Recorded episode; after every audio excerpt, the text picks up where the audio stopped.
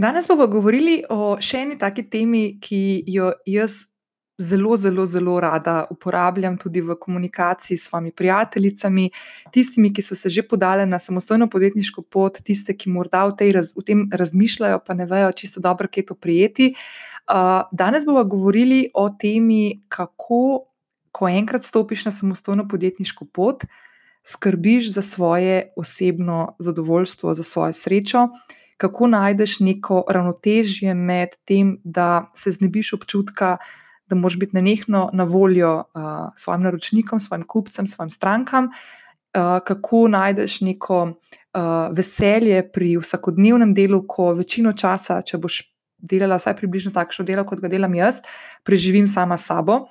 Uh, kako s temi stvarmi, vsem, vsemi temi stvarmi upravljaš? Uh, Uh, malo se bomo dotaknili tudi strahov. Uh, če te zanima tema uh, strahovi pred samostojnim podjetništvom, kateri so tisti najpogostejši, te vabim, da poslušaš epizodo številka 5, uh, ki je že v tvoji uh, najljubši podcast aplikaciji. Uh, danes pa skočiva med 16 načinov, kako postati in, še bolj pomembno, ostati zadovoljna samostojna podjetnica.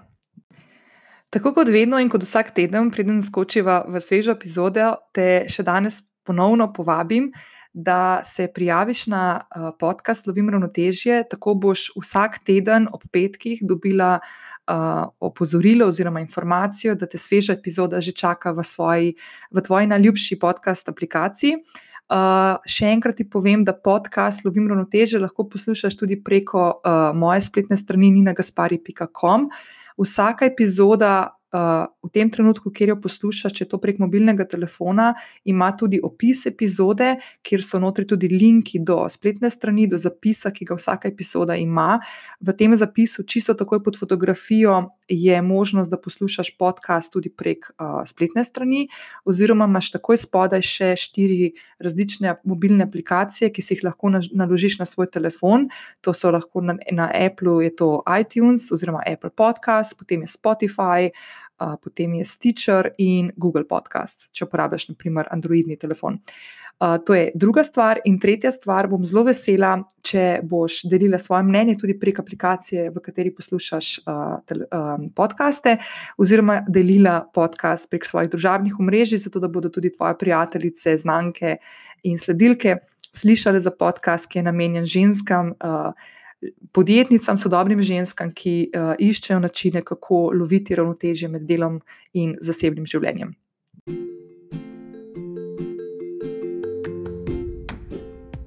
Hej, poslušaj podcast Lovim ravnotežje, kjer vsak teden predstavljam ideje, navdihe in načine, kako loviti ravnotežje med delom in življenjem. Klikni subscribe in bodi na tekočem s svežimi objavami.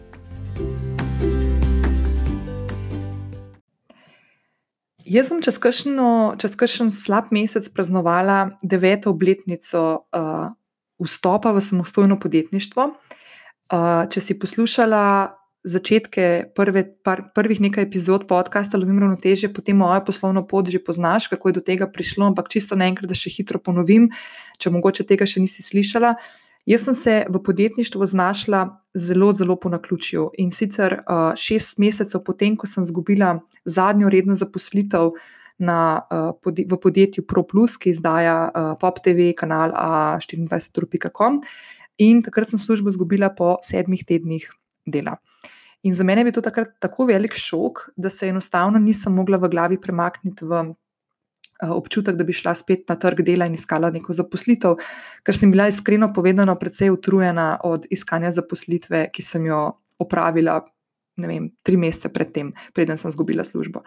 Uh, tako da sem se jaz takrat odločila, da grem na Zavod za poslovanje, in takrat je bila opcija, ki so jo ponujali tudi, da dobiš um, od Evropske unije, iz, iz nekih evropskih skladov, so takrat dajali subvencije, uh, ki, s katerimi so spodbujali, da se uh, tisti, ki smo bili v tistem trenutku brezposelni, lahko uh, v mislih premaknemo morda tudi v razmišljanje v smeri samostojnega podjetništva. In jaz sem dejansko takrat imela samo to možnost. Uh, sem, imela bi seveda možnost tudi iskati zaposlitev, ampak sem se odločila, da enostavno se tega po domače več ne grem. Uh, tako da jaz sem se v samostojnem podjetništvu znašla zelo, zelo po naključju. In um, danes, bo, ko bomo govorili o načinih, kako postaneš in ostaneš srečna in zadovoljna podjetnica, ti to govorim zelo, zelo iz svojih izkušenj, ker sem dolgo časa rabila, uh, da sem našla nek ritem, ki meni odgovarja, in da sem našla nek način, kako pri sebi skrbim za to, da um, imam vedno dovolj časa za delo in predvsem vedno dovolj časa tudi za počitek. Jaz sem velika pristašica tega uh, mišljenja, da uh, je počitek. Nujno potreben za vsakega od nas, ne glede na to, ali smo zaposleni v neki redni zaposlitvi ali pa smo se podali na samostojno podjetniško pot. Uh, te mentalitete, biti busy, biti nenehno v nekem um, v nekem delovnem in ustvarjalnem um, področju, oziroma v nekem razmišljanju, načinu delovanja. Jaz, na primer, sem pristašica, da se tega ne smemo v življenju tako lotevati. Saj tako se je pri meni zdaj izkazalo uh, za pravilno. Um, tako da danes bomo govorili o, o načinih, kako ujameš neko tisto svojo srečno palčko, s katero potem dirigiraš uh, svojemu življenju, nasplošno, ne samo delu, ampak prepletu dela, zasebnega življenja, časa, ki ga namenjaš sebi, časa, ki ga namenjaš svoji družini ali pa prijateljem, prijateljicam. Um, in um, jaz lahko povem, da sem v svoji, zdaj že skoraj devetletni uh, samostojni podjetniški poti doživela ogromno usponov, ogromno padcev. Uh, doživela sem velike zmage, doživela sem tudi poraze, in predvsem sem skozi devet let uh, odkrivala in še vedno odkrivam, ker je to uh, nenehno uh, samo odkrivanje in nenehna pot uh, rasti, uh, osebne in podjetniške, sem odkrivala načine, kako bom našla. Nek, neko ravnotežje med svojim, med svoj, med, v svojem življenju, med različnimi deli svojega življenja. In tako sem se, naprimer, z besedno zvezo Lovim ravnotežje, ki jo nosi tudi ta podcast, ki ga zdaj poslušaš, um, ujela kakšni dobri dve leti nazaj, ko sem dejansko razmišljala o tem, kako ujeti neko ravnovesje med svojim zasebnim in svojim poslovnim življenjem. In iz tega izhaja tudi teh današnjih 16 načinov, kako ostati, postati srečna, zadovoljna in izpopolnjena samostojna podjetnica. Um, in uh, upam, da bo prišlo tudi, tudi tebi kaj prav. Zdaj, če se spustimo samostojnim podjetništvom šele na novo srečuješ, ali pa si že zakorakala v to pot, pa si nekje na začetku. Čeprav pri meni ta začetek, če sem zelo iskrena, meni ta občutek tra, uh, držal kar enih dobrih šest let. Um, ima samostojno podjetništvo, tako kot vsaka druga stvar na tem svetu, svoje pluse in minuse. Uh, prišli bodo dnevi, ko boš ful srečna, zadovoljna in boš skakala do stropa, ker se ti bo res nekaj norega zgodilo, boš izpeljala kakšen projekt res um, najboljša, na najboljši možen način. Uh, potem pa se lahko zgodi naslednji dan ali pa še naslednjo uro, da boš imela, naprimer, da boš izgubila kakšno stranko ali pa naročnika, uh, s tem tudi vir prihodka, um, in, se, in se te bojo lotile tiste, tiste skrbi in strahovi, uh, ko boš mogla enostavno. Um, v sebi najti način, kako s temi stvarmi uh, upravljati. Um, zdaj, um, jaz sem imela pred časom, tega ne delam več, oziroma se res izogibam. Um, lahko sem imela, naprimer, dneve, ko sem delala tudi po 14 ur in več na dan. Uh, lahko sem imela dneve, ko sem, naprimer, svojo to-do listo, ki sem imela napravila, uh, naredila v 14 ali pa nekaj minutah. Tako da to so bile tako zelo, zelo različne um, dinamike, ki sem jih jaz v življenju imela v preteklosti in so me tako mal metale iz um, blaznega dela v malo nobno uh, vzdušje in nazaj. In zdaj. Zadovoljstvo samostojnega podjetnika, oziroma samostojne podjetnice, kot tudi življenje nasplošno, se skriva v iskanju nekega ravnotežja. Jaz sem o tem, da ko loviš ravnotežje, že veliko govorila in da uh, celotna filozofija uh, moja lovljenja ravnotežja ni v tem, da ti to ravnotežje ujameš in najdeš, ker je to po mojem mnenju in po zdaj dveh letih in pol trdega dela na tem, uh, sem prišla do spoznanja, da dejansko um, ravnoteže v življenju ne ujameš nikoli, oziroma ga morda ujameš za nekaj trenutkov ali pa za kakšen dan. Uh, da moraš se predvsem naučiti, kako skozi svoje življenje, skozi svoje dneve, skozi svoje vem, sestanke, ki jih imaš z naročniki, kupci ali pa strankami, kako pluti skozi to na način, da boš uživala v tej poti in ne bila preveč obremenjena s tem, kdaj, kako in na kakšen način boš prišla do tistega cilja, ki si, si ga postavila. In jaz sem pri sebi opazila, da uh, kot velik kontrol freak, uh, kar sem mal po naravi, mal pa tudi zato, ker me je to. Uh, še dodatno me to spodbuja uh, delo, ki ga upravljam, ki je vedno malo povezano s tem, da ne moreš vseh stvari imeti pod kontrolo. Um, sem mogla spustiti to, ta nadzor. In Jaz sem ugotovila, da tisto sekundo, ko spustiš nadzor nad stvarmi, ko spustiš to kolesje, da teče, uh, ko se zavedaš in ugotoviš eno tako lepo um, spoznanje, ki mogo, mogoče bo malo spet ezoterično se slišalo, ampak ko, um, ko, ko pustiš vesolju ali pa čemorkoli to verjameš, neki energiji, da pelje stvari tebi v prid, da nihče tam zgore ali pa okoli tebe uh, ni na tem uh, svetu zato, da bo tebi delal velike uvire, uh, ampak da dejansko se ti vsa energija, ki, ki se nahaja okrog tebe, uh, dela v smeri, da boš ti uspešna. In ponavadi smo ljudje tisti, ki uh, gremo zelo radi kontra tem energijam ali pa vesolju, ali pa v karkoli verjameš. Lahko je to karma, lahko, lahko je Bog, lahko je Buda, lahko, v karkoli verjameš, ne glede na to, ponavadi temu rečem vesolje ali pa energija. Um, in zdaj. Jaz sem govorila tam v tisti peti epizodi, ko sem govorila o strahu, uh, kako prepoznaš tiste trenutke, um, ko uh, ti tvoje telo sporoča prek intuicije, kdaj je kakšna stvar za te dobra in kdaj se kakšni zadevi, ki jo imaš v načrtu narediti, uh, raje izogni. Um, to so naprimer um, te, te, te odločitve, ki ponavadi jih znamo ljudje sprejemati skozi neke stare in zakorenjene vzorce, ki smo jih prenesli še iz otroštva in iz skozi pač način delovanja, modus operandi, ki ga poznamo in, in ga z njim upravljamo svoje življenje. To so stvari, ki so v nas tako zakorenjene, da jih je zelo težko začeti spuščati.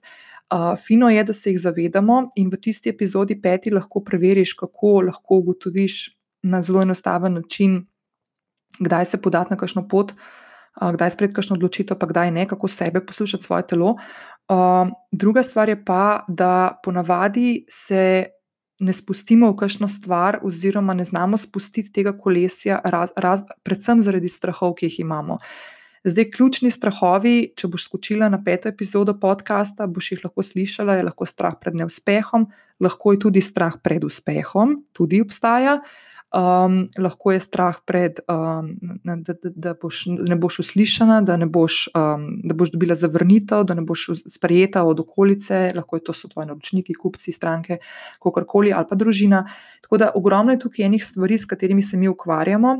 In je prav, da uh, preden se uh, lotiva in skočiva v tistih 16 načinov, kako pa loviti srečo in biti srečna, samostojna podjetnica, da se tega zavedamo in da imamo to skozi skozi celo epizodo danes, ko se bom s tabo pogovarjala o teh načinih, da imaš skozi malo v mislih tudi to, da ko delaš svoje, ko upravljaš svoje delo, se poskušaj spremljati, ko prideš v neko situacijo, ko te začne bremeniti, da, zač, da se poskušaš postaviti ven iz te situacije in jo malo kot zunanje opazovalka opazovati, ker lahko določene povezave, določene vzorce, ki se ponavljajo, s tem tudi vidiš hitreje. Ok, pa greva zdaj med teh 16 načinov oziroma korakov, kako postati in ostati srečna, zadovoljna, izpopolnjena, vesela, samostojna podjetnica ali pa sodobna ženska nasploh. Uh, Kakšne stvari, če niste samostojne podjetnice, dajte si jih mal prevesti v svoje. V svoje življenje, in uh, boste lahko našli tudi kakšne um, stične točke, tako da ni treba ne poslušati, pa misliti, da je to samo za samostojne podjetnice primerno. Prva stvar je jutranja rutina. Uh, jaz sem o tem že zelo, zelo veliko govorila v osmi epizodi podcasta Lovim ravnoteže. Če še nisi poslušala, skoči tja.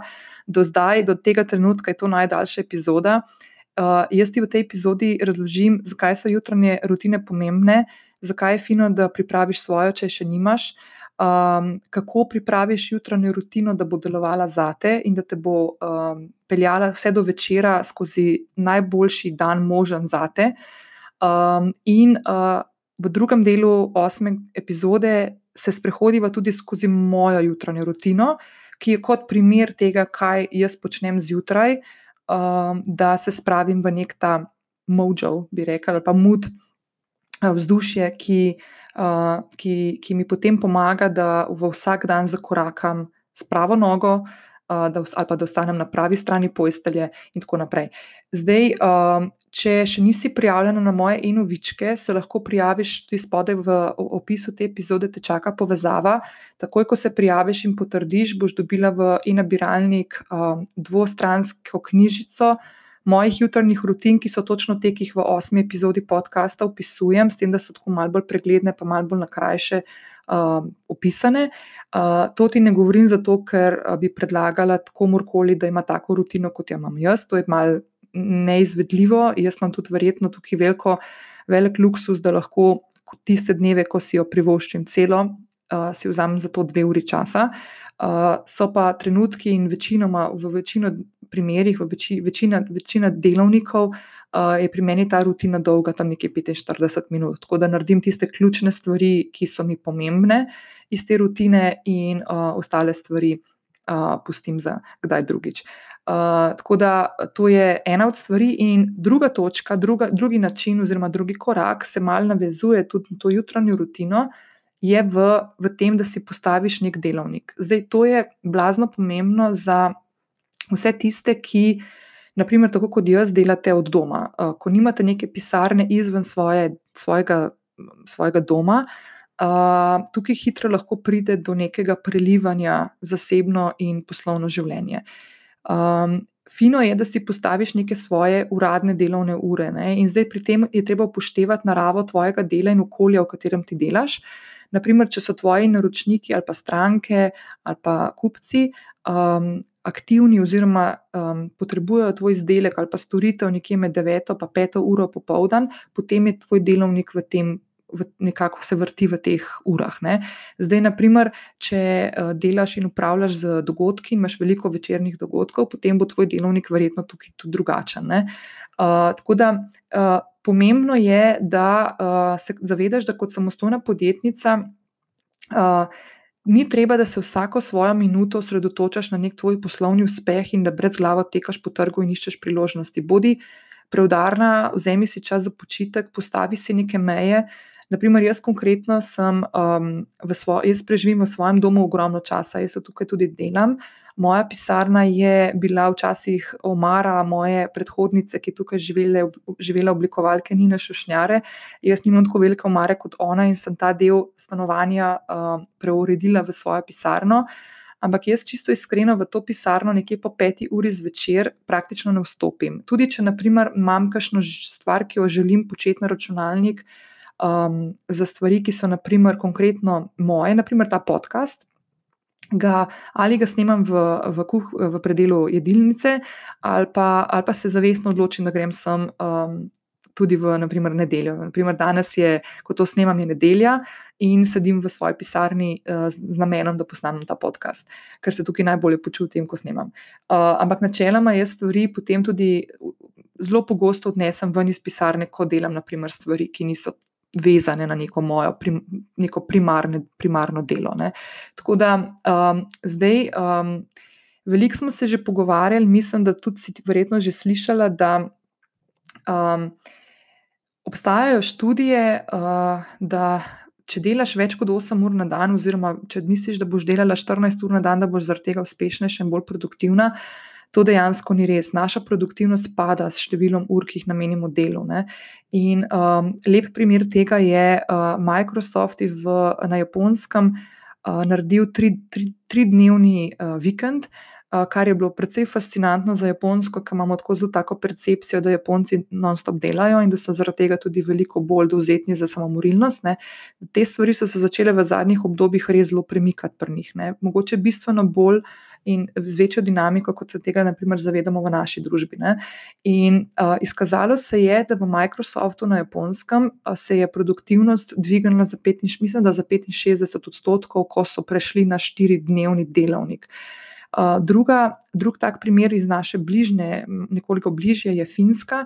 Uh, Finska je trenutno v tem, da bo tudi naredila štiri-dnevni delovnik. Uh, in osredotočili se bodo, da bodo delali nekje okoli 6 ur na dan, kar pomeni, da praktično razpolovijo ure, ki jih naprimer v povprečju Slovenci preživimo na delovnih mestih vsak teden. Zdaj, jaz ne govorim o tem in nikoli me res ne razumeti, da spodbujam to, da se dela čim manj. Jaz spodbujam to, da se dela dejansko po urah čim manj in da se dela preudarjeno in pametno, da se veliko več stvari lahko naredi v veliko krajšem času uh, in da ta mentaliteta, ki sem bila tudi jaz deležna še uh, in sem prenesla dejansko iz svojih zaposlitvenih okolij, kjer če sem šla naprimer ob 4-5 domov po 8-9 urah oddelanih, sem naslednji dan dobila dodatno zadolžitev, ker so ugotovili, da sem šla prezgodaj domov. Ne. Jaz sem te stvari prenesla potem tudi v svojo samostojno podjetniško pot in sem se mogla prav naučiti uh, na težek način in tudi z potjo proti izgorelosti, da dejansko. Um, Dolžina tvojega delovnika ni premo sorazmerna s tem, kako zelo produktivna in uspešna boš ti kot podjetnica. Um, moraš se zavedati, da določene stvari ne bo, vedno te bo kakšna stvar počakala, uh, nič to ni nič narobe in uh, za naslednji dan ali pa za naslednji uh, teden. Uh, ključno pri vsej tej stvari je, da znaš postavljati meje do naročnikov, do strank, do kupcev, do sebe. Da tudi sebi postaviš mejo, naprimer, da če delaš od doma, da po tej in tej uri ne boš stopila v svojo pisarno, razen če bo res neka nuja ali pa če se bo res nekaj izven serijskega v tvojem delovniku zgodilo. Um, tako da Um, treba je razmišljati v tem uh, duhu, kako lahko svoj čas organiziram na način, da mi bo moje delo omogočilo, da stvari naredim v najbolj optimalnem času, ko sem najbolj produktivna. Naprimer, če nisi zjutraj produktivna, ne delaj stvari, ki od tebe zahtevajo višek, ne postavi to potem v tisti, dan, tisti del v dnevu, ko si dejansko produktivna. Nekateri ljudje so to tudi zvečer ali pa v poznih večernih urah, nekateri smo bolj zgodni, jutranji. Um, prilagodi te stvari sama sebi, ne? spet uh, upoštevajoč um, dinamiko dela tvojih strank, naročnikov ali pa kupcev. Uh, ampak načeloma pri samostojni podjetniški poti imaš predvsej več manevrskega prostora za take odločitve, da mogoče tudi kakšne svoje delovne, delovne ure oziroma način, kako želiš sestavljati svoj delovnik, lahko bistveno bolj prilagajaš, kot naprimer, če si v nekem strukturiranem okolju, kjer je več ljudi zaposlenih in je pač treba nek sistem imeti bolj rigidno postavljen, zato da se drži neka pravila igre za vse. Tretja točka, tretji korak. Uh, Mičkam mogoče na prvi pogled negira to, kar sem zdaj povedala v drugi točki, ampak dejansko se mi zdi blazno pomembno, da se zavedamo, da delamo takrat, ko želimo delati. Kaj to pomeni? Ne? Da obstajamo ljudje, ki nimamo vsakega dela um, enakega vsak dan. Uh, in če pri sebi ugotoviš, da si naprimer, bolj produktivna, kot sem že prej rekla, vem, med 12 in 14 uro, potem. Um, Potem to naredi med 12 in 14 uro, in vem, prestavi svoje kosilo kasneje, ali pa nekaj malico pred 12, da, lahko, da ne boš hodila, naprimer, ali pa si vzela pauzo, takrat, ko si vsi vzamejo pauzo za kosilo. Um, tako da jaz, na primer, sem ugotovila, da največ stvari lahko upravim nekje med 9:30 in 14 uro. Tako da, naprimer, jaz konkretno, uh, pa spet, če boš šla na osmo epizodo podcasta, boš lahko slišala, ker je to tudi del moje rutine, oziroma zaključka tiste jutranje rutine, preden stopim v pisarno in se lotim svojega dela. Um, Jaz ponavadi, um, ko pridem v pisarno, to je ponavadi okrog 9 ure, včasih je tudi ob 8, odvisno od dneva, ampak rečemo, ponavadi okrog 9 ure, najprej pogledam e-mail sporočila, jih preberem, ugotovim, kaj je tista stvar, ki jo moram odgovoriti, katero sporočilo zahteva od mene čim prejšnjo reakcijo, in potem svoj e-mail zaprem. In ga ne odprem več do nekje 13-14 ure, vmes pojem še kosilo, in potem drugi del delovnika uh, imam jaz bolj kot ne namenjen za to, da pišem odgovore, da, da se javljam na klice, oziroma da vrnem kakšen klic. Um, in um, da se menim za sestanke, tudi ugotovila sem, naprimer, in to, sem, to prakso sem začela v bistvu lansko leto z januarjem, ker je bila to del mojih letnih namer, da imam petke frej. Pa to ne pomeni, da sem tem že kar nekaj govorila, to ne pomeni, da jaz v petek se nikomor ne javim, ampak to pomeni, da petki so za mene eh, dnevi, ko večino časa um, namenim ugotavljanju, kaj je tisto, kar želim početi, kako bi se lahko organizirala boljše, delam veliko na, um, na brainstormingu, na vision boardih, na ugotavljanju, um, kaj bi lahko še počela ali na konkretno na enem naročniku, ali pa na svojih projektih, um, kar bi bilo lahko boljše, uspešnejše, produktivnejše in tako naprej. Zdaj, naprimer, konkretno jaz v petkih ponavadi naredim cel seznam, naprimer, če govorim za sebe, cel seznam za prihajajoči teden, katere vsebine želim deliti z vami in prek podcasta, družabnih omrežij, na spletni strani, prek nekih zapisov, člankov in tako naprej. Uh, po petkih ponavadi tudi sestavljam e-mailinge, ki jih potem eno, enkrat na mesec pošiljam vam, ki ste prijavljeni na njih, in tako naprej. Tako da petek je pri meni, naprimer, dan za kreativnost. In če je dan za kreativnost, moram jaz ogromno enih stvari, drugih ugasniti, oziroma jih ne prižgati, zato da imam prostor uh, in čas, da lahko pustim svojim uh, možganom in kreativnostnemu procesu, da se lahko dejansko odvija. Tako da vedno razmišljaj na tak način, kako lahko, um, kako lahko določene stvari uh, pri sebi urediš, da najdeš neke tiste trenutke, ko, ko si lahko privoščiš ali počitek. Ali čas za stvari, ki te bolj veselijo, kot naprimer tiste ključne, ki, od katerih naprimer, imaš si plačana, ali pa um, so nek, neka taka osnovna dejavnost tvoja, tvojega podjetja. Ne.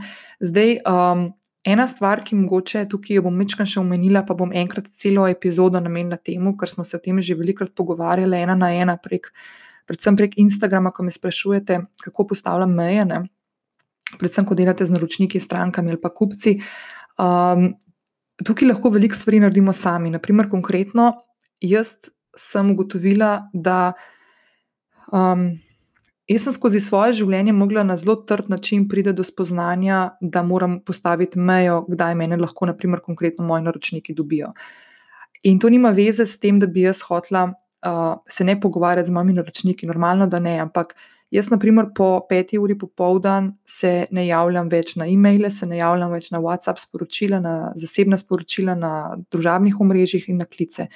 Razen, če ne gre za neke specifične trenutke, ko je potrebno in je pač, ne vem, ali imamo kakšen dogodek, ali imamo kakšno lansiranje kakšnih stvari pomembnih. Ko gre za neke take stvari, seveda je to drugače. Ne? Ampak da bi pa kar tako vsak dan bila na voljo 24 ur na dan ali pa 13 ur na, eh, na, na dan, so pa stvari, ki jih jaz enostavno ne počnem. In zelo enostavno je te stvari skomunicirati svojemu naročniku ali pa kupcu ali pa stranki, uh, ker ko postavimo jasne meje, brez nekega dolgovezanja in opravičevanja, ljudje te stvari razumejo, zato ker vsi ljudje želimo imeti čas za tiste stvari, ki jih mi radi počnemo, ali pa za druženje z ljudmi, ki jih imamo radi in želimo z njimi namenjati čas. Tako da uh, obdajati občutek, da si vedno na voljo, je ena od stvari, ki jo ne priporočam nobeni samostojni podjetnici, da naredi, ker dejansko si tukaj narediš lahko zelo, zelo veliko škodo in splavati ven iz tega, ko si enkrat na voljo nekomu non-stop in dobi ta občutek, je blazno, blazno težko. Tako da razmišljaj o tem, kako lahko svoj dan organiziraš na način, da boš um, upravljala s svojim časom na svoj najboljši način. Uh, tudi če gre včasih mogoče mečkan kontra temu, kar naprimer tvoj naročnik pričakuje, zato ker razmišlja o tem, kdaj boš ti najbolj produktivna, kdaj boš od sebe dala lahko največ.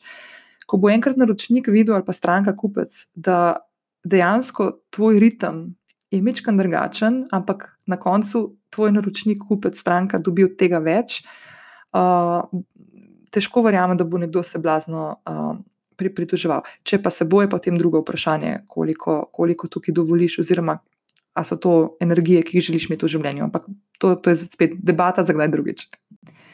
Okay, četrti korak je, da si urediš svoj delovni kotiček. Uh, to sem prej omenila v drugi točki. Se pravi, to velja predvsem za tiste, ki delamo od doma večino časa.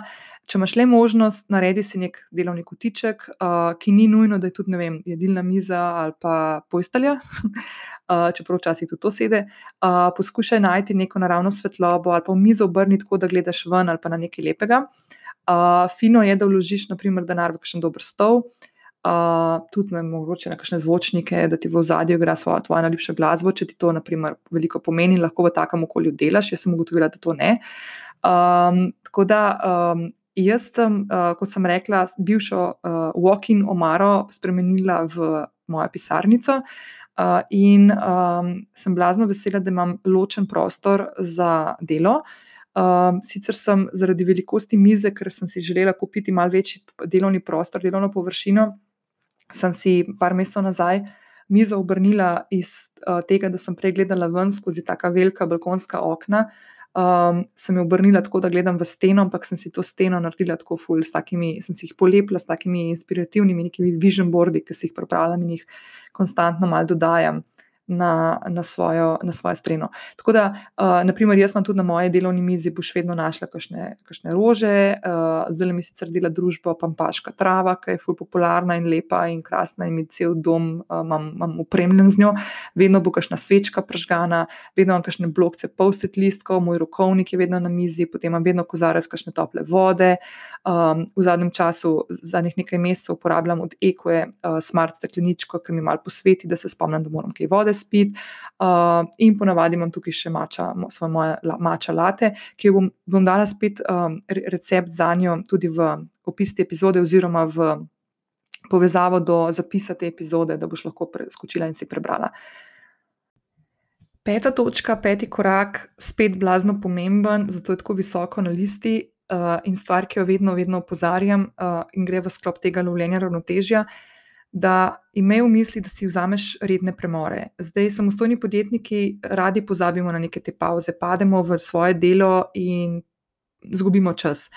Um, zato je treba imeti nenehno, pa magar, če si to napišeš v svoj koledar, da si narediš nek čas, ki ga nameniš v dnevu, tudi med delovnikom, predvsem med delovnikom, da si vzameš neke redne premore. Zdaj, to je lahko premor, da greš na če delaš doma, da si greš skuhati kavo ali pa mačo, naprimer, ali pa da um, narediš par korakov. Jaz, jaz včasih grem tudi kakšno stvar pospraviti, ali pa ko imam naprimer, to možnost, pa si to probam res vzeti uh, vsak dan, grem naprimer za pol ure na sprehod po tlele po bližnjih parkih ali pa skočim do Koseškega bajera, ki ga imam blizu tukaj v Ljubljani.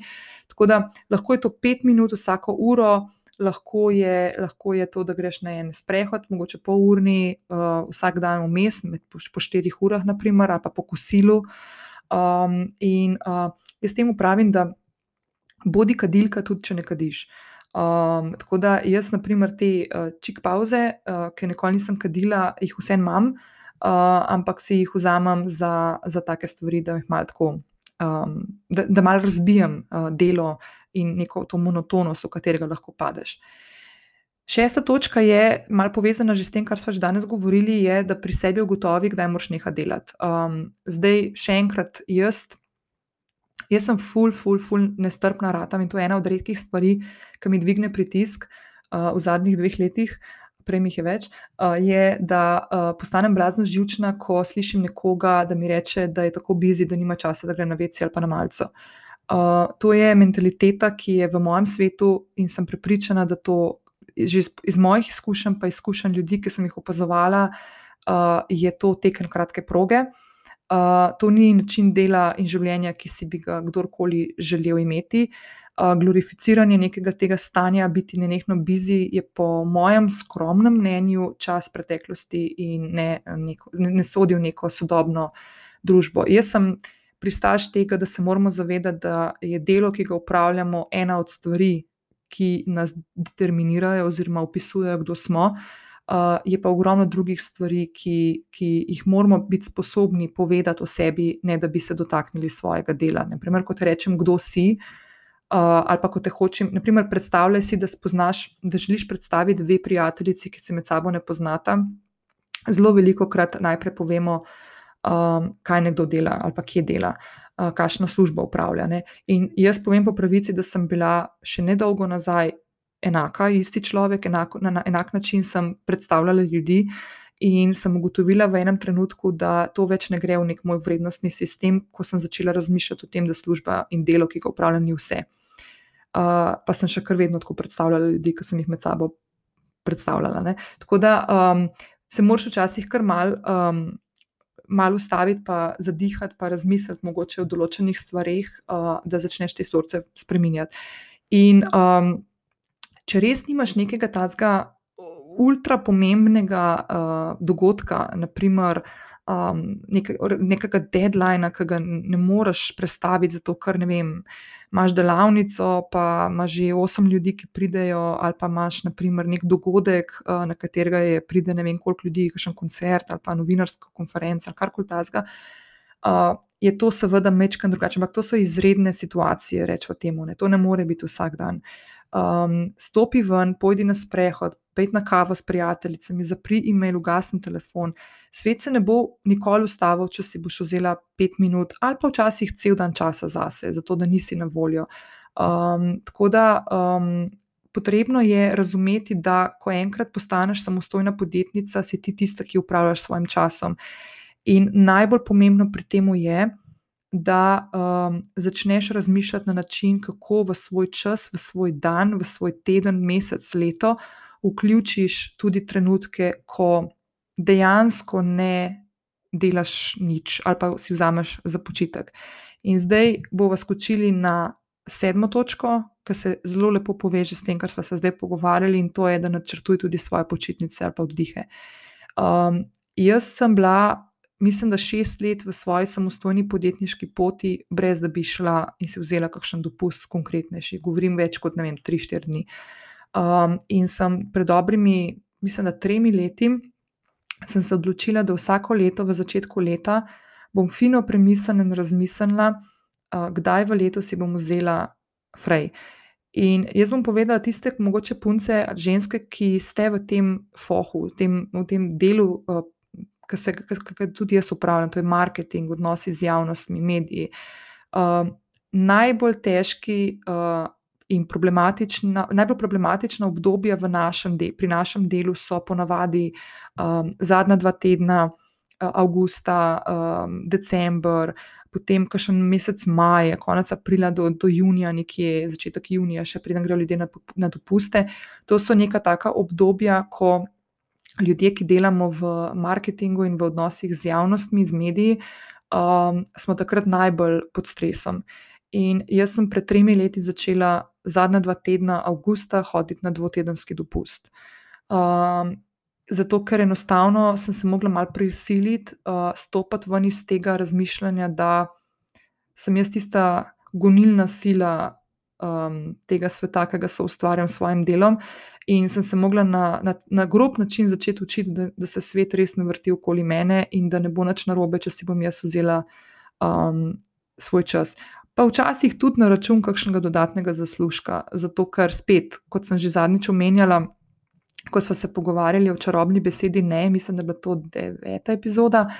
Um, je pomembno, kaj je tista vrednota, ki si jo postaviš v center. Naprimer, jaz sem dolg časa, ko, posebej, ko sem šla na samostojno podjetniško pot, je bila meni zelo velika vrednota denar, zato ker sem lahko malo pod stresom, če ga bom imela dovolj, da bom lahko plačala vse stvari, ki so kar nekaj padle na moje ramena, kot, kot na samostojno podjetnico. In ko sem jaz pred leti začela spreminjati te vrednote in prišla do spoznanja, da je čas moja največja vrednota in stvar, ki si jo najbolj želim v življenju. Uh, sem vse te stvari, ki jih danes tudi tebi govorim v tej epizodi, postavila na bistveno više, um, uh, bistveno više na lestvici, kaj moram vse narediti, da bom lahko dosegla ta čas, da bom lahko imela čas zase, da si ga bom lahko vzela brezkompromisno. In ko si ti enkrat svoja samostojna podjetnica, ne, uh, se moraš zavedati, da s tem časom lahko upravljaš sama. In priti do spoznanja, da je to možno, je ena od najlepših stvari, ki jih lahko narediš za sebe. In še enkrat povem, to so stvari, ki trajajo, dosti krat vzamejo kar precej časa, da te vzorce spreminjamo, ker nismo bili tako vzgajani in tako naprej, ampak uh, se pa da. Tako da jaz. Um, Jaz sem mogla precej enih stvari pojesti, pa se jih naučiti, da sem lahko prišla do tega, da si danes, na primer, brezkompromisno vzamem zadnja dva tedna avgusta, ko je največja panika, dopusti meni. In ne gledam mailov, eh, eh, če je res kakšna panika, sem dosegljiva na telefon, ampak se je to zgodilo, ne vem, po mojem, lahko za zadnje tri leta naštejem na eno, na eno roko, kako se je to zgodilo. Uh, in še ena stvar, da ni nobene drame in ni nobene, nobene panike, če to narediš, um, sam moraš razmišljati res na, to, na, ta, potem, na, na ta način, da uh, imaš vso pravico in dožnost do sebe, da si vzameš trenutke zase. Pa je to zelo lahko spet, da greš na sprehod čez dan, pol urce, ali pa da si vzameš uh, dopust in si da si napišeš že v začetku leta, kdaj boš šla na dopust. To je neka taka stvar, ki samostojni podjetniki zelo, zelo redko delamo in zelo, zelo redko načrtujemo. Sploh, če ne gre za kakšne take oddihe, ko moramo razmišljati o nekem nakupu letalskih kart za neke destinacije, ker moramo pač razmišljati uh, nekaj mesecev naprej. Naprimer. Ampak govorim lahko tudi zato, da greš, naprimer, ne vem. Za tri dni v neko bližino, kakšno prestolnico, v katero se lahko z avtom odpelješ, naprimer, ne? uh, ko je lahko teh načrto, načrtovanja bistveno manj kot naprimer, za neki nakup nekih letalskih kart. Osma točka, na polovici smo. Osma točka, telovadi, telesna aktivnost. redna telesna aktivnost uh, je blazno pomembna in dokazano zmanjšuje stres in stresne trenutke. Zdaj, uh, kakšen, kakšen tip telesne aktivnosti ti sede, jaz ne vem, to si sama pri sebi pomisli, ugotovi. Jaz sem pri sebi ugotovila, da, primer, da še, če, če mi je še, še pred kakšnim dobrim letom pasala visoko intenzivna vadba, mi danes to več ne sede, zato tudi ne hodim v fitness, ne hodim uh, k nekim na, na take neke visoko skakajoče treninge, kot sem včasih. Uh, meni je blazno pomembno, da lahko uh, si vzamem trenutek za kakšen kratek yoga flow, um, lahko naprimer, um, se naročiš na kakšno vadbo, pa jo od doma delaš. Jaz, naprimer, trenutno, to sem tudi povedala, mislim, da v kakšni dve epizodi nazaj, da v tem trenutku uh, mi blazno sede, uh, sedejo treningi nuše gnezde. Um, karkoli takega je, kar te izpopolnjuje in te napolni z neko energijo da tako reči. Zdaj lahko imaš doma kakšne utežive, kakšne lažje v umari, pa jih pa obriši prah, pa, pa naredi to. Lahko greš na jogo, najdeš kakšen jogo studio v svoji bližini, če naprimer si v tem nova, pa ne veš, kako začeti, greš na kakšno jogo uro. Um, to je vedno fajn. Jaz jogo, na primer, vedno priporočam. Jaz, jaz bi jogo dejansko priporočala vsaki samostojni podjetnici, zakaj lahko preveriš v tretji epizodi uh, podcasta. Um, kjer sem govorila o tem, kako sem jogo prenesla v svojo podjetniško pot in kako se je to poznalo na mojem, na mojem delu. Um, tako da je pa blazno pomembno, da razmišljaš o tem, da si, da si vzameš nek čas. Ne? Zdaj lahko so tudi sprehodi, lahko je nekaj takega, kar lahko počneš vsak dan brezkompromisno. Deveta točka, uh, sem dala kar dve stvari tukaj notri, ki sta blazno pomembni in spet ena od tistih stvari, na katere samostojne podjetnice znamo kar hitro posabati, uh, in to sta hrana in spanje. Um, z blazno, blazno močno vpliva uh, na tvoje vse splošno počutje, koliko časa spiš, koliko časa si vzameš za počitek. Jaz sem ugotovila, da uh, če ne spim 8 ur na dan, sem tečna, razdražena in enostavno ne morem, uh, ne morem uh, funkcionirati čez dan. Zdaj, um, Druga stvar, ki sem ugotovila, je, da uh, je za mene blazno pomembno in ne samo za mene, verjetno za marsikoga, uh, sploh za kakšnega od vas, kakšno od vas, ki se že dejansko ukvarja tudi s prehrano, pa uh, preverja pri sebi, katera, katera je tista hrana, ki ti sede v določenem delu dneva. Jaz sem, na primer, ugotovila, da naprimer čez dan. Poskušam med delovnikom, naprimer, ko se pripravim doma kosilo, se poskušam naprimer, izogibati nekim, nekim um, težjim stvarem, prebavljivim, ki so se izkazale, naprimer, da me naredijo zaspano. To je pri meni, naprimer, konkretno, uh, bom težko, naprimer, kakšno pašto si naredila za kosilo ali pa. Kakšne, kakšne sestavine, ki so res visoko, z visoko vsebnostjo glutena, pa ne da se jaz drugače prehranjujem brez glutensko, sploh ne, ampak to so naprimer sestavine, ki, ma, ki me znajo malo spavati. Tudi um, pomembno je, da se naučimo pripravljati uravnotežene obroke, se pravi, da naši obroki vsebujejo vsa, vsa makrohranila, ki jih potrebujemo, da ni poudarka samo na oglikovih hidratih, naprimer razne rižote, pa pašte, pa tako, ampak da dejansko vključimo tudi zeleno zelenjavo, zelenolistno to zelenjavo, da vključimo beljakovine, da vključimo neko maščobo noter zdravo, da vključimo vlaknine in tako naprej. Tako da to so stvari, ki so blazno pomembne in um, Jaz vem, da sem, ko sem odraščala v, v družini, v kateri so naprimer moški, v moji družini, detki, strici, oče, vedno po kosilu zaspali, pa je bilo to kar mal normalno. Človek po kosilu, ko ga zaužije, ne bi smel biti zaspan, ampak poln energije. Ne? Tako da, če smo zaspani, potem pomeni, da smo pojeli neko hrano, ki nam ni odgovarjala. Um, blazno pomembna stvar je tudi, da se poskušamo izogibati alkohola čez dan, naprimer, Uh, oziroma, da, da pazimo, da čez dan popijemo dovolj vode. Jaz, na primer, konkretno, kot sem prej omenila, imam tisto pametno stekleničko od Equa, ki ne samo da je lepa, ampak je tudi fajn, ki me opozarja uh, prek moje aplikacije na telefonu in z, in z lučkico, da, da spijem dovolj um, tekočine. Tako da, če pozamem redni in uravnoteženi obroki, dovolj spanja, redna telesna aktivnost, redne pauze, počitnice. Um, Ne vem, tako meni se zdi full fine. Meni se zdi, da to poslušam, da bi meni, naprimer, nekdo pred devetimi leti, to, leti rekel za to formulo, bi rekla, uh, mogoče bi šla hitreje v neko samostojno podjetništvo. Ampak dejansko ne smemo razmišljati vedno samo skozi to, da je samostojno podjetništvo tisto, ko uh, bom skozi delala, pa full bom malo zaslužila, pa full bom bila skozi v neki drami. Dejansko to ni, ne želim, da, da želim pokazati, da dejansko samostojno podjetništvo ni to. Deseta točka, mm, pojdi ven če delaš od doma ali pa če si v pisarni, vzemi si čas, da greš tudi ven. Um, jaz, na primer, ki delam od doma in večino dni preživim sama čez delovnike, uh, včasih tako se, se zelo tam, da imam kar malo težavo. Um, Ker nobenega človeka ne srečam nekaj cajt. Tako da meni, na primer, pomeni veliko, da grem kdaj tudi ven, da skočim, naprimer, vem, v center Ljubljana na kakšno uh, kosilo, ali pa da kakšen del, del delovnika oddelam, naprimer, v v kakšnem lokalčku, ko naprimer nimam takih stvari, da bi mogla biti res zelo osredotočena in da bi mi vsak zvok zmotil, naprimer, uh, ker pač nisem človek, niti ki bi delala lahko pri, ob naprimer, neki glasbi, tako naprej. Zelo redko se to zgodi. Tako da, naprimer, če si v Ljubljani, uh, če živiš v Ljubljani, potem se zna zgoditi, da boš zdaj srečala v naprimer, Tozdu, tista miza ob oknu. V, uh, ki jo imajo notri, uh, je naprimer občasno tudi moja pisarna ali pa bazilika, barbarela, veganika, kuča, to so naprimer placi, kjer se zna zgoditi, da se lahko tudi srečava. Uh, vedno je fino poiskati neke, neke take okolja, kamor lahko greš za nekaj trenutkov, da se srečaš s kakšnimi ljudmi, lahko imaš nekakšen sestanek ali pa, ali pa pač greš sama, pa z računalnikom, pa kakšno stvar tam narediš. Enajsta točka, tudi blazno, blazno pomembna je, da ko delaš z ljudmi, ko delaš na projektih, ki se tudi mogoče kdaj kakšen zaključi, tako ali drugače, ali, ali se pač konča, ali pa se zaključi nek poslovni odnos, poskušaj ne podirati mostov. Zdaj sem zelo iskrena, jaz sem v svoji podjetniški poti kar nekaj mostov podrla. Uh, nekih je bilo treba podreti, nekateri so se podrli, pa mi je še danes žal, da so se. Um, ampak um, v podjetništvu je tako, da se ukvarjaš lahko tudi s kakšnimi težkimi naročniki ali pa strankami, kupci. Um, mogoče se včasih srečaš s kakšnimi nemogočimi željavami, željami ali pa zahtevami. Uh, srečaš se, gotovo se lahko najhitreje srečaš s tem, da pač se ne posega v nek prostor, um, ki si ga postavila, kot, ker si že postavila mejo, da ne želiš, da kdorkoli vstopa van, naprimer tvoj čas, ki ga imaš zase.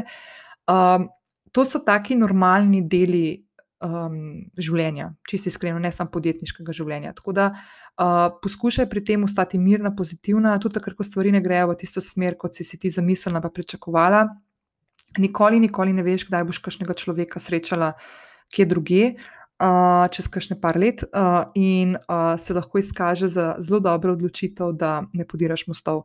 Uh, jaz res še enkrat povem iskreno, da sem v svojem življenju, v, in zasebnem, in podjetniškem, uh, se srečala marsikdaj.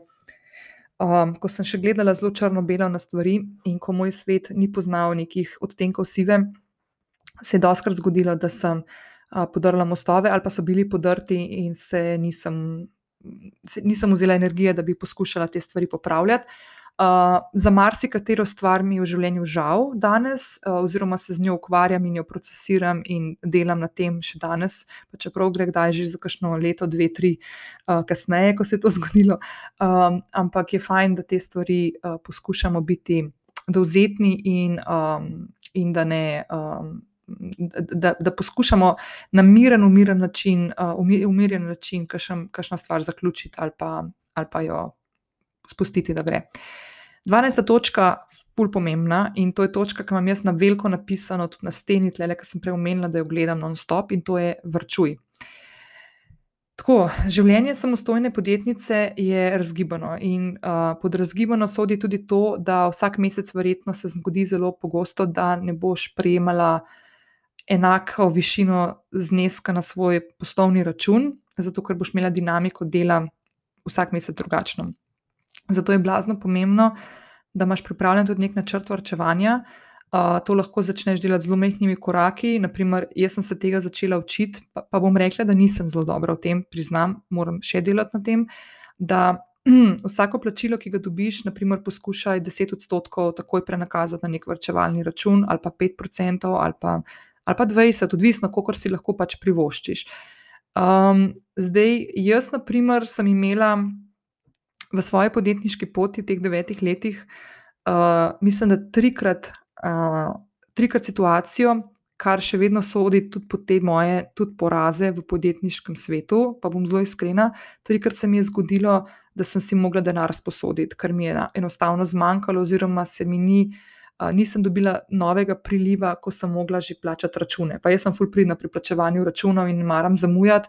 um, in um, sem mogoče v življenju dobila, ne vem, štiri opomine. Um, tako da sem zelo, zelo dovzetna pri tem, da plačujem redno, in me postane, postanem zelo živčna, ko vidim, da naprimer na dan, ko mi bodo ali trgali kreditno kartico, ali pa moram prispevke plačati, pa moram plačati, ne vem, računovodkinjo ali pa kakšnega podizvajalca, da naprimer teh, tega zneska ne bi imela na računu. Ne.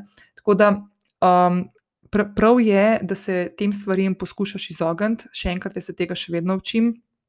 In uh, in je fino, da, uh, da pri tem vrčuješ. Ne. Zdaj, um, še ena stvar. Ne, uh, samostojni podjetniki v veliki večini živimo iz meseca v mesec ne, in razlogov za to je veliko. Ne. Lahko so to visoki stroški življenja in vodenja podjetja, lahko gre za neplačil, ne, neplačilno disciplino naročnikov, strank ali pa kupcev. Uh, tako da jaz. Uh, Imam eno pravilo, ki ga imam in se ga držim, tako jaz, kot to, kar zahtevam tudi od ljudi, s katerimi delam, je, da pri meni plačilno disciplino ne želim poznati. Um, jaz, uh, ravno kot sem prej omenila, račune plačujem no, vedno. Um, ne bo se zgodilo, oziroma upam, da se ne bom zarek, zarekla, se je vdajal v preteklosti tudi kakšna taka stvar, ampak nimam tega mindseta, da bi, naprimer, hotela stvari kašne za ston imeti, ali pa da bi, naprimer, klicala kakšno kolegico, ki organizira koncert v Ljubljani in bi rekla, če mi lahko zrihta kakšno karto za ston. Um, Jaz sem pristaš tega, da vsako delo je vredno. Hm, zdaj se lahko odločim, ali je ta cena previsoka za me ali pa ne. Če je previsoka, si pač ne, ni, ni, se ne zasluži ta projekt moje pozornosti, oziroma ali pa koncert ali pa karkoli takega. Tako da eh, ne, ne iščem nekih, nekih načinov, kako bom nekam prišla za ston.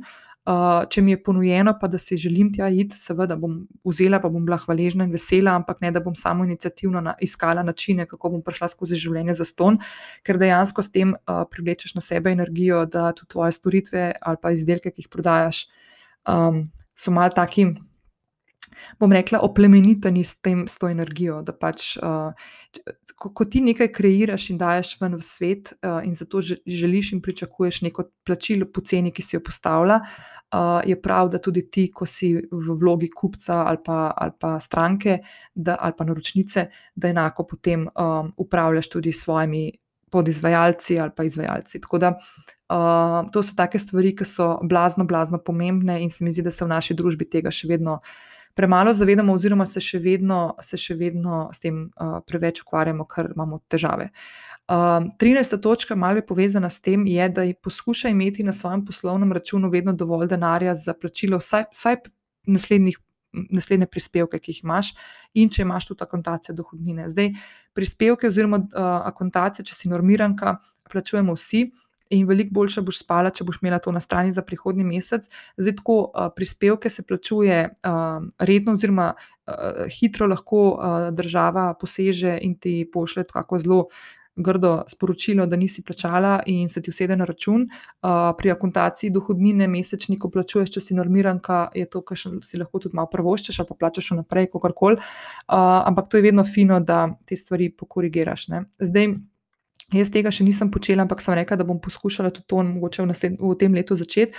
Da, um, naprimer, če si normiranka, uh, se pravi, da si samostojna podjetnica, SP normiranc, uh, da lahko uh, 4% od vsakega računa, ki ga dobiš plačanega, daš takoj na stran, zato da potem uh, daš to v akontacijo. Uh, pa je lahko to tudi kakšen mesec, mogoče više od tistega, kar je predvideno, da moraš plačati, ali pa mogoče tudi nižje. Mislim, fajn je vedno, da je malo više. No?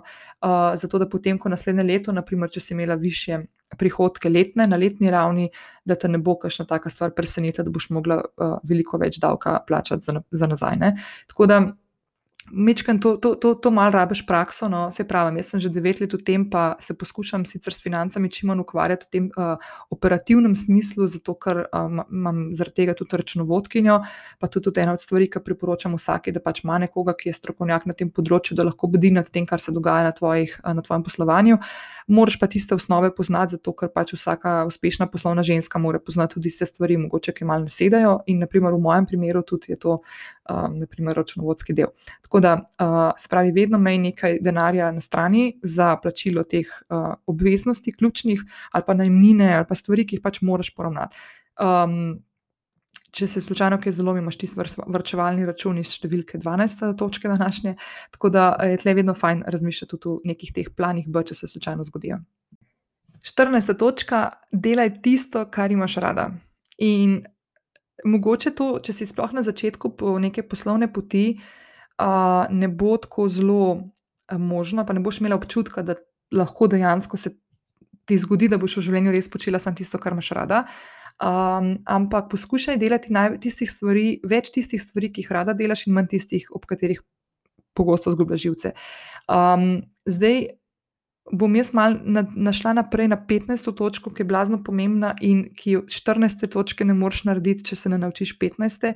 in to je, da se naučiš reči ne. Uh, če še nisi poslušala devete epizode podcasta Lovim ravnotežje, uh, ki ima naslov Čarobna beseda ne, skoči tja in poslušaj, zakaj je to najbolj pomembna beseda v vsakem jeziku, tudi v našem. Uh, in je beseda, ki dejansko ti bo pomagala postavljati meje, uh, upravljati svojim življenjem na način, da boš živela res tako, kot si si zaželela in kot si želiš, da, da zaživiš. Mnoge od nas se podamo tudi na samostojno podjetniško pot, ker si želimo drugačnega življenja. Ampak, če ne upeljamo določenih sprememb vzorcev, kot jih poznamo odprej, ali pa iz družbe, ali pa iz, iz vzgoje, iz otroštva. Enostavno tega bomo to zelo težko naredili. In predvsem ženske imamo blazno, blazno težavo s tem, da kdaj rečemo ne. Tako da, eh, če te zanima ta tema, res skoči uh, na deveto epizodo, poslušaj, pod, uh, poslušaj to epizodo, zato ker sem ti dala notri številne, številne načine, kako lahko to upelješ v svojo vsakodnevno prakso kdaj lahko, ki lahko že to začneš uh, takoj, naprimer pri jutranji rutini, ko rečeš, uh, ne, ne bom se usedla najprej prvo stvar zjutraj na telefon, pa bom naredila nekaj drugega zase, kar bo boljše. Uh, bom raje, ne vem, meditirala, ali bom pa napisala kakšno stvar v dnevnik, ali pa si bom skuhala res kavo dobro, pa si bom vzela pet minut časa, da spijem kavo v miru. Karkoli tazga, kar ti pomaga, da. Uh, imaš ti nadzor pod tistimi stvarmi, ki se tebi v življenju dogajajo. Tako da, ko rečem, delaj tisto, kar imaš rad. Ne, um, jaz povem, da sem v devetih letih um, svoje samostojne podjetniške poti ogromno projektov delala, ki uh, so me spravljali ob živce in, mi, in ob njih nisem uživala. Zadnja leta, uh, sploh v prvih treh letih, naprimer, zadnja leta uh, sem to malo na glavo obrnila in dejansko delam stvari, ki so mi fajn, uh, ki mi predstavljajo neki izziv in um, ki, um, ki, ki jih rada delam, ki, ki, ob katerih dobimo včasih občutek, da sploh ni delo. Um, tako da tukaj je malo triki, pa moramo spet malo paziti, da spet ne pademo v 14-urne delovnike. Ampak, ampak ja, tako, um, vse te stvari se da, mogoče to zdaj zveni kot luksus, ampak jaz sem zelo iskreno povedala, ker sem vedno rada zelo jasna pri teh stvarih, da vedno pravim, da če sem jaz lahko to naredila v svojem življenju, verjamem, da to lahko naredi vsaka ženska. Pa s tem ne dajem zdaj sebe v nič, daleč od tega, ampak jaz vem, da sem imela zelo, zelo močno zakorenjene določene vzorce in da mi ni bilo lahko teh sprememb delati. Zato vem, da je potreben uh, trud, da je potrebno biti, je potrebno biti konsistenten pri tem, ampak vse te stvari se da narediti, samo treba biti ustrajen. Um, tako da, ja, se pravi, delaj tisto, kar imaš rada, uh, in uh, nauči si reči ne. Uh, to sta dve stvari, ki boste odprli uh, pot v življenje v izobilju. Uh, spet, če boš šla na, to, na deveto epizodo, ti povem, da to pomeni, ne pomeni, da boš živela z polnimi žepi denarja. Izobilje ni samo denar, spet je odvisno, kakšne so tvoje vrednote, če se v življenju želiš. Uh, kaj je tisto, kar ti je najbolj pomembno, naprimer, konkretno, še enkrat, da ponovim, pri meni je to čas. Um, in um, ko se enkrat začneš postavljati meje, ko začneš postavljati uh, besedo ne večini stvari, ki se zgodijo skozi dan ali pa v življenju, ko uh, delaš tisto, kar želiš početi, zato ker imaš to možnost, ker si postavila meje in ker si rekla ne stvarim, ki jih ne bi delala, in naredi, si naredila s tem prostor stvarim, da pridejo do tebe tiste, ki jih želiš delati, uh, ali pa ljudje, da pridejo v tvoje življenje, ki jih želiš videti, um, potem uh, dejansko začneš živeti v izobilju. Uh, tako da to je to, in zdaj so prišli do zadnje točke, ki je tudi ena taka, ful potrebna in s katero imamo ženske zelo veliko težavo, in to je, da se potrepej po rami vsak dan. Um, samostojno podjetništvo je tako zelo odgovorna stvar, uh, zahteva veliko discipline. Tudi odrekanj, obvladovanja nekih stresnih situacij, napornih komunikacij, uh, veliko več boš, verjetno boš delala več, kot si delala prej, pa mogoče boš poplačila vseh stroškov, pa stvari, ki jih moš poplačati sama. Ti, pogosto se lahko zgodi, da ti ostane manj, kot je naprimer prej, ki si imela redno plačo. Ampak kljub temu imaš nekaj, o čemer drugi res sanjajo, in to je, da imaš svobodo odločanja in da imaš svobodo tega, da se. Um, Da, da delaš stvari, ki jih želiš, da jih delaš v času, ko to želiš početi. In če je tvoje podjetje uspešno, če si ti uspešna, pa tukaj mislim pri tem, da imaš naprimer, vse račune plačene, da imaš v redu odnose z naročniki, da nimaš nekih hudih dolgov, zato ker nisi prej plačevala stvari. Um, če speleš neko stvar, pa je lahko fulmejhna, lahko je naprimer. Odgovor, ki si ga poslala na en mail naročnika ali pa kupca stranke, ki je bil res zelo zatežen, pa si mu tako lepo nazaj odgovorila, ali pa ji, da si obrnila ton komunikacije sebi v prid, da je, da, da je spremenil energijo človek na drugi strani in rekel: Ja, zdaj pa razumem, zakaj je to tako, jaz se upravičujem, razumem, razumem, bomo drugače od zdaj naprej delali. Dej si vzam minutek za dihanje, pa reč, carica si. Um, pa nagra, lahko se nagradiš, ne, lahko ne vem, si peleš na kosilo, ali pa si vzameš malo daljšo pauzo, skočiš uh, na sprehod. Uh, si rezerviraš masažo, eh, greš k frizerju, karkoli ta zga tebe izpopolnjuje, um, naredi, naredi te stvari zase. Ena točka, ki ni nujno povezana s tem, da boš zapravljal kaj denarja, pa se lahko še vedno potreplaš po rami, je naprimer, da zvečer, preden greš spat, uh, lahko si to napišeš v dnevnik, če tega še ne počneš, uh, bi ti res svetovala, da, da to začneš početi, pa ti, pa ti bom dala v zapis epizode uh, spet link do vodiča, kako začneš pisati, pisati dnevnik in zakaj je to tvoj najboljši terapeut, ki ga lahko imaš v življenju. Lahko narediš to tudi tako, da pri sebi se sprehodiš skozi dan zvečer, preden greš spat in si poveš, na kaj si hvaležna. Kaj si, zakaj si danes hvaležna sebi, ker si nekaj naredila tako, kot si si zastavljala, pa si nekaj res dobro speljala. Uh, Um, tako da uh, mej v mislih to, da, da si vzameš čas za sebe, da si vzameš čas za premislek, da si vzameš čas za počitek, da ni nič narobe s tem, če si kakšen dan med tednom vzameš frej ali pa pol dneva ali pa dve uri, pa ugasneš telefon, pa te ni. Nobena stvar se ne bo zgodila, ki bi lahko bila katastrofa. Um, malo imamo tako občutek ljudem, da se cel svet vrti okrog nas. To je tako zelo egoistično prepričanje, ki sicer je v svetu, ko živiš v svojem svetu, seveda tvoj svet največji, ampak na večji, če pa pogledaš to malo ven, ne, je pa tako, da se svet ne vrti okrog tebe. Ne. Ti si delček, delček, mikrodelček tega sveta in je včasih, ko so te težave velike, ki jih ti vidiš kot ful, ful, ful, ogromne in da nekaj ne moreš narediti in da nekaj nisi sposobna narediti. Postav se ven, pa opazuj to kot zunanja opazovalka. Um, vse stvari so doable, uh, vse stvari se da narediti, predelati, ko se ne da, se jih spusti, da grejo, uh, brez podiranja mostov, in če se da. In um, zavedaj se, da je način, kako biti zadovoljen, uspešen, um, um, zdrav, samostojni podjetnik, brez da delaš neke salte mortale. Uh, in da, uh, da, da sam sebe um, da, da si koplješ dobesedno jamo, v katero padeš. Ali to zdaj jama depresije, anksioznosti, paničnih napadov ali pa izgorelosti ali pa kakšnih drugih stvari. Tako da uh, to je današnjih 16 načinov, 16 korakov, kako lahko tudi ti pri sebi poskrbiš, da boš našla neko ravnovesje med delom in svojim življenjem.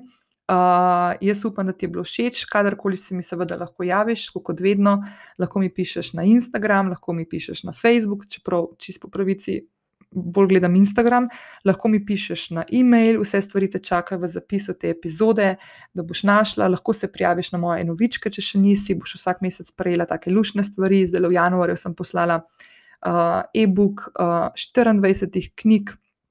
Ki so krasne za vsako sodobno žensko ali pa samostojno podjetnico, uh, in pokrivajo tudi te debate, oziroma to vsebino, danes, o kateri smo danes govorili. Uh, Um, zdaj pa tako, ena stvar, ki si prišla zelo do konca te uh, epizode, ki te bom še omenila in te bom kar pozvala, da mi lahko se mi oglasiš v, uh, na Instagram, v zasebno sporočilo, pa mi pošlješ e-mail. Jaz bi želela v naslednjem tednu narediti en tak QA, um, da bi odgovarjala na vprašanja, ki mi jih vi pošiljate. Lahko so vprašanja povezana z delom, samostojnim podjetništvom, z mentalnim zdravjem, produktivnostjo, uh, osebno rastjo, um, kreativnostjo uh, jogo, meditacijo, karkoli takega je, lahko mi pošljete vprašanja. Bom zelo vesela, da jih čim več dobim, da odgovorim na njih. Uh, druga stvar, pa v eni od prihajajočih oddaj bom res začela konkretno pogovarjati se z vami tudi o tem, o stvarih, ki jih jaz počnem. Uh, ker me veliko o tem sprašujete, in uh, sem o tem dejansko zelo malo govorila na plastičnih primerih, na projektih, na katerih sem delala. To so bili vem, od, od odprte kuhne do uh, Slovenija vodke, do Uh, Eko sem tudi delala, lansko leto smo sodelovali skupaj, uh, potem uh, v preteklosti sem delala in za Telekom, Mobitel, ko je še bil Gorenje, Fruktal. Tako da ogromno, ogromno naročnikov sem imela in bom počasi začela tudi mal odkrivati in razkrivati te tančice um, kaj je uh, služba, ki jo jaz počnem, in to je uh, predstavnica oziroma svetovalka za odnose z javnostmi, konkretno z mediji, kako je delati z mediji v slovenskem prostoru, na kaj treba paziti, kako se je pogo treba pogovarjati z novinarji in tako naprej. Tako da, če imaš kakršno koli vprašanje povezano s tem, javi se, sporoči mi, uh, vprašaj in bom te stvari vključila v eno od prihajajočih epizod. Tako da hvala, da si bila danes z mano. Želim ti en krasen, krasen petek, še lepši vikend in se slišiva prihodnji teden. Čau, čau!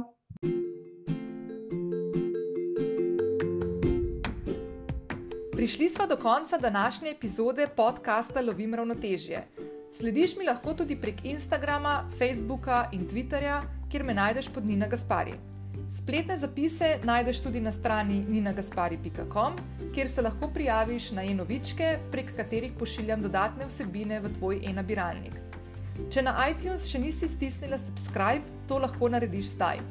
Tako boš vedno ujela svežo epizodo. Hvaležna bom tudi za tvojo oceno in mnenje tega podcasta, ki ga lahko daš ob prijavi in s tem pomagaš, da ta podcast sliši še več poslušalk. Se slišiva prihodnji teden, ko bova spet lovili ravnotežje. Hvala za poslušanje, želim ti krasen dan.